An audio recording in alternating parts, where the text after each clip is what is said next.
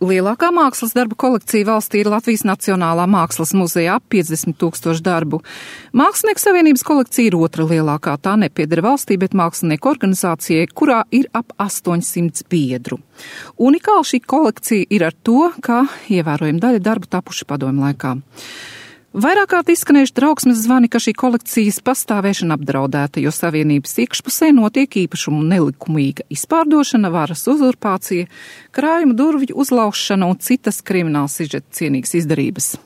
Kārtējais trauksmes zvans pavisam nesen 1. novembrī, kad tika sasaukts Savienības ārkārtas kongress un izmainīti statūti. Kolekciju apvienojot ar visu nekustamo īpašumu. Ko tas varētu nozīmēt? Vairāk mākslinieki uzskata, ka tādējādi šīs idejas autors grib pakļaut kolekciju ūtrupēji Mākslinieku savienības bankrota gadījumā, kas jau reiz gandrīz piedzīvots. Ļoti it kā nenozīmīgi tika pieprasīts balsojums. Mākslinieca Silvija Meškone. Kā vārds sakot, ir vienā veselumā jāapvieno viss Mākslinieku savienības īpašums ar. Vara tiek koncentrēta praktiski viena cilvēka rokās, ka praktiski e, spriežot pēc tiem iepriekšējiem trīs gadiem valde tika sasaukt tikai pāris reizes. Mākslinieca Solveig Vasiljeva.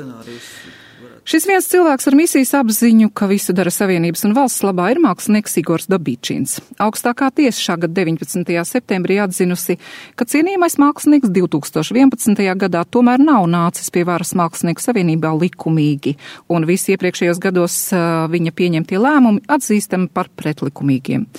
Sakoja ātra reakcija, pēc pāris nedēļām tika sasaukts kongress, ieradās 150 no 800 biedriem, un, kā stāsta mākslinieki, policijaskām metodēm atkārtoti Dabičins ieguva varu un legalizēja iepriekš pieņemtos lēmumus, pie kam atkal pārkāpjot statūtus, jo uz kongresu nesot uzaicināti visi biedri. Man nebija aicinājuma un mana, un mana drauga. Pilnīgi droši pēc mākslinieka teiktā ielūgums nav saņēmusi Frančeska Kirhe, Lidija Dīnere, Romualds Geikins, Ieva Kalniņa, Agate Mūze, Roberts Mūzes, Edīte Pauls Vīgnere, Ieva Caruka un citi.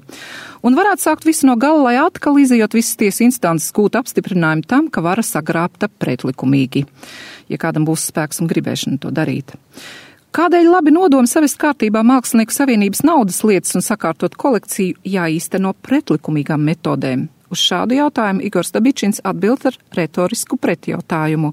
Kas mākslinieku savienībā ir noticis slikts? Parādi nomaksāti, kas 2011. gadā bijuši ap 50 tūkstošiem, kolekcija tiek sakārtota, izstādes notiek. Jūs tātad savedāt šīs finanšu lietas kārtībā un uh, saremontējāt arī telpas, tā es saprotu. Telpas, uh, ēkas, ierakstījām īpašumu zemes grāmatā.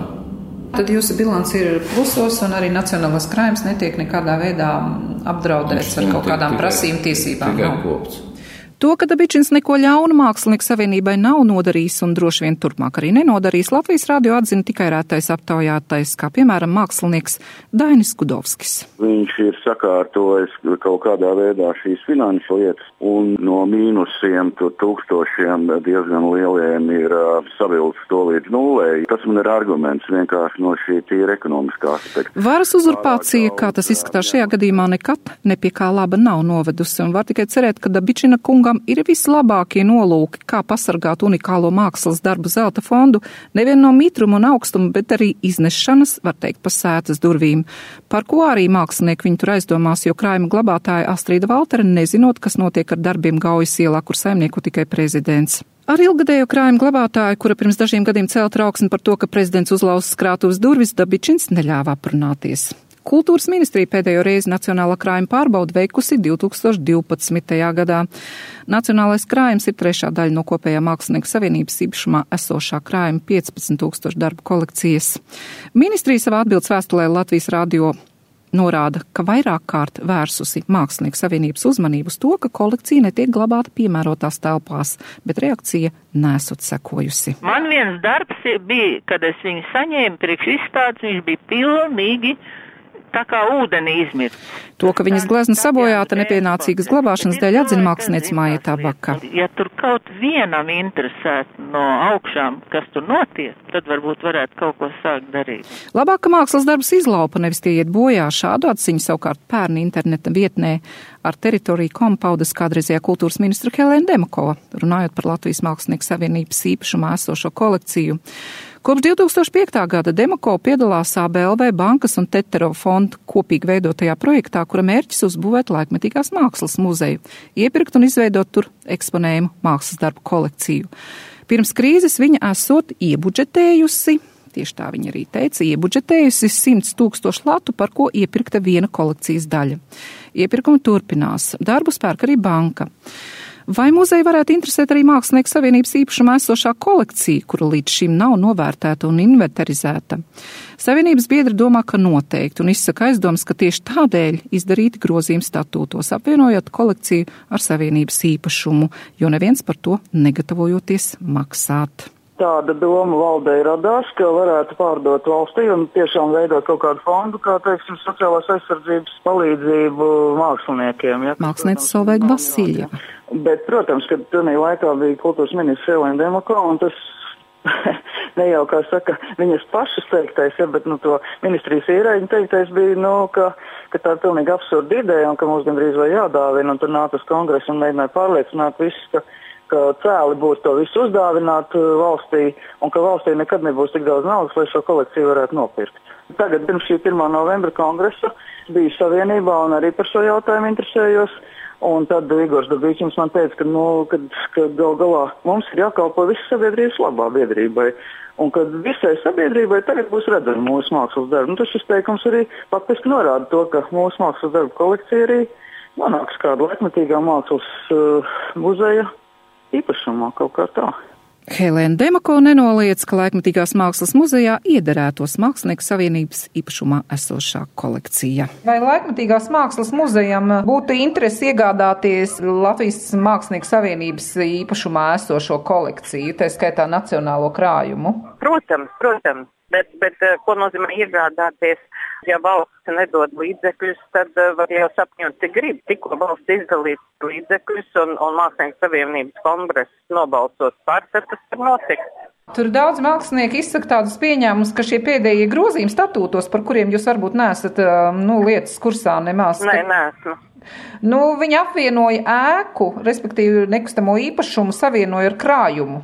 Un tiek izteikts bažas, ka tādā veidā varētu tikt izkrāpt šis īpašums. Labi, man vairāk interesē tomēr mākslas saglabāšana mūžības priekšā. Pēc tam, ka mājas tabakas zvaigznes pilnīgi katastrofālā stāvoklī tika nogādāts tēvs izstāžu namā, mākslinieku savienības būtībā nolaidīgi nopostīts, tad man interesē vienalga, kas ir īpašnieks, lai mākslas saglabājās mūžībai. Jā, jūs jau savulaik esat izteikusies, ka labāk, ka mākslas darbs izlaupa, nevis tie iet bojā, vai ne? Jā. Savukārt, kā atzinuši vairāk mākslinieku un mākslas eksperti, laikmetīgās mākslas muzejs ir unikāls projekts un nāks par labu visiem Latvijas māksliniekiem, kuru darbus tur izstādīs vai nopirks, un, protams, mākslas baudītājiem. Tomēr jāsaka, ka acis un prātu var apžilbināt jaunā skaistā ēka, liedzot kritiski izvērtēt līguma nosacījumus, ar kuriem valsts un privātā partnerībā var tikt iepirkts un nodots privāta fonda īpašumā valsts mākslas zelta fonds. Muzeja plānots uzbūvēt līdz 2021. gadam. Kultūras ministrija, ministre Dāca Melbārda no vienas puses un Latvijas laikmetīgās mākslas muzeja fonds, Ernests Bernis, Oļeks Fiļs un Ināra un Boris Steterevi no otras puses 30. oktobrī noslēguši nodomu protokolu, kurā ministrija apņemas nodrošināt budžeta līdzfinansējumu muzeja krājuma veidošanai un uzturēšanai. Līdz šim šajā projektā valsts jau ieguldījis ap 500 tūkstošus eiro. Un, kā teikts atbildes vēstulē Latvijas radio, nepastāv nekādi riski, ka privātā muzeja krājumā esošā valsts mākslas darbu kolekcija kaut kādā veidā var nonākt privātajās rokās. To nepieļaujot muzeja likums.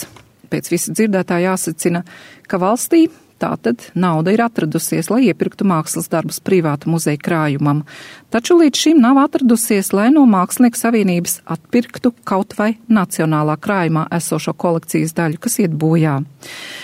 Tādēļ jāsaka, ka netiek kliedētas mākslinieku bažas, ka ir nolūks to iegūt kādā citā ceļā, kas jāteic nebūtu godīgi pret māksliniekiem.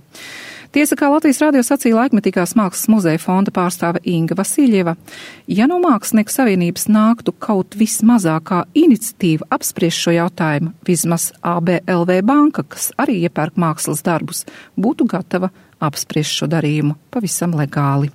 Ginta Mūrniec, Latvijas radio.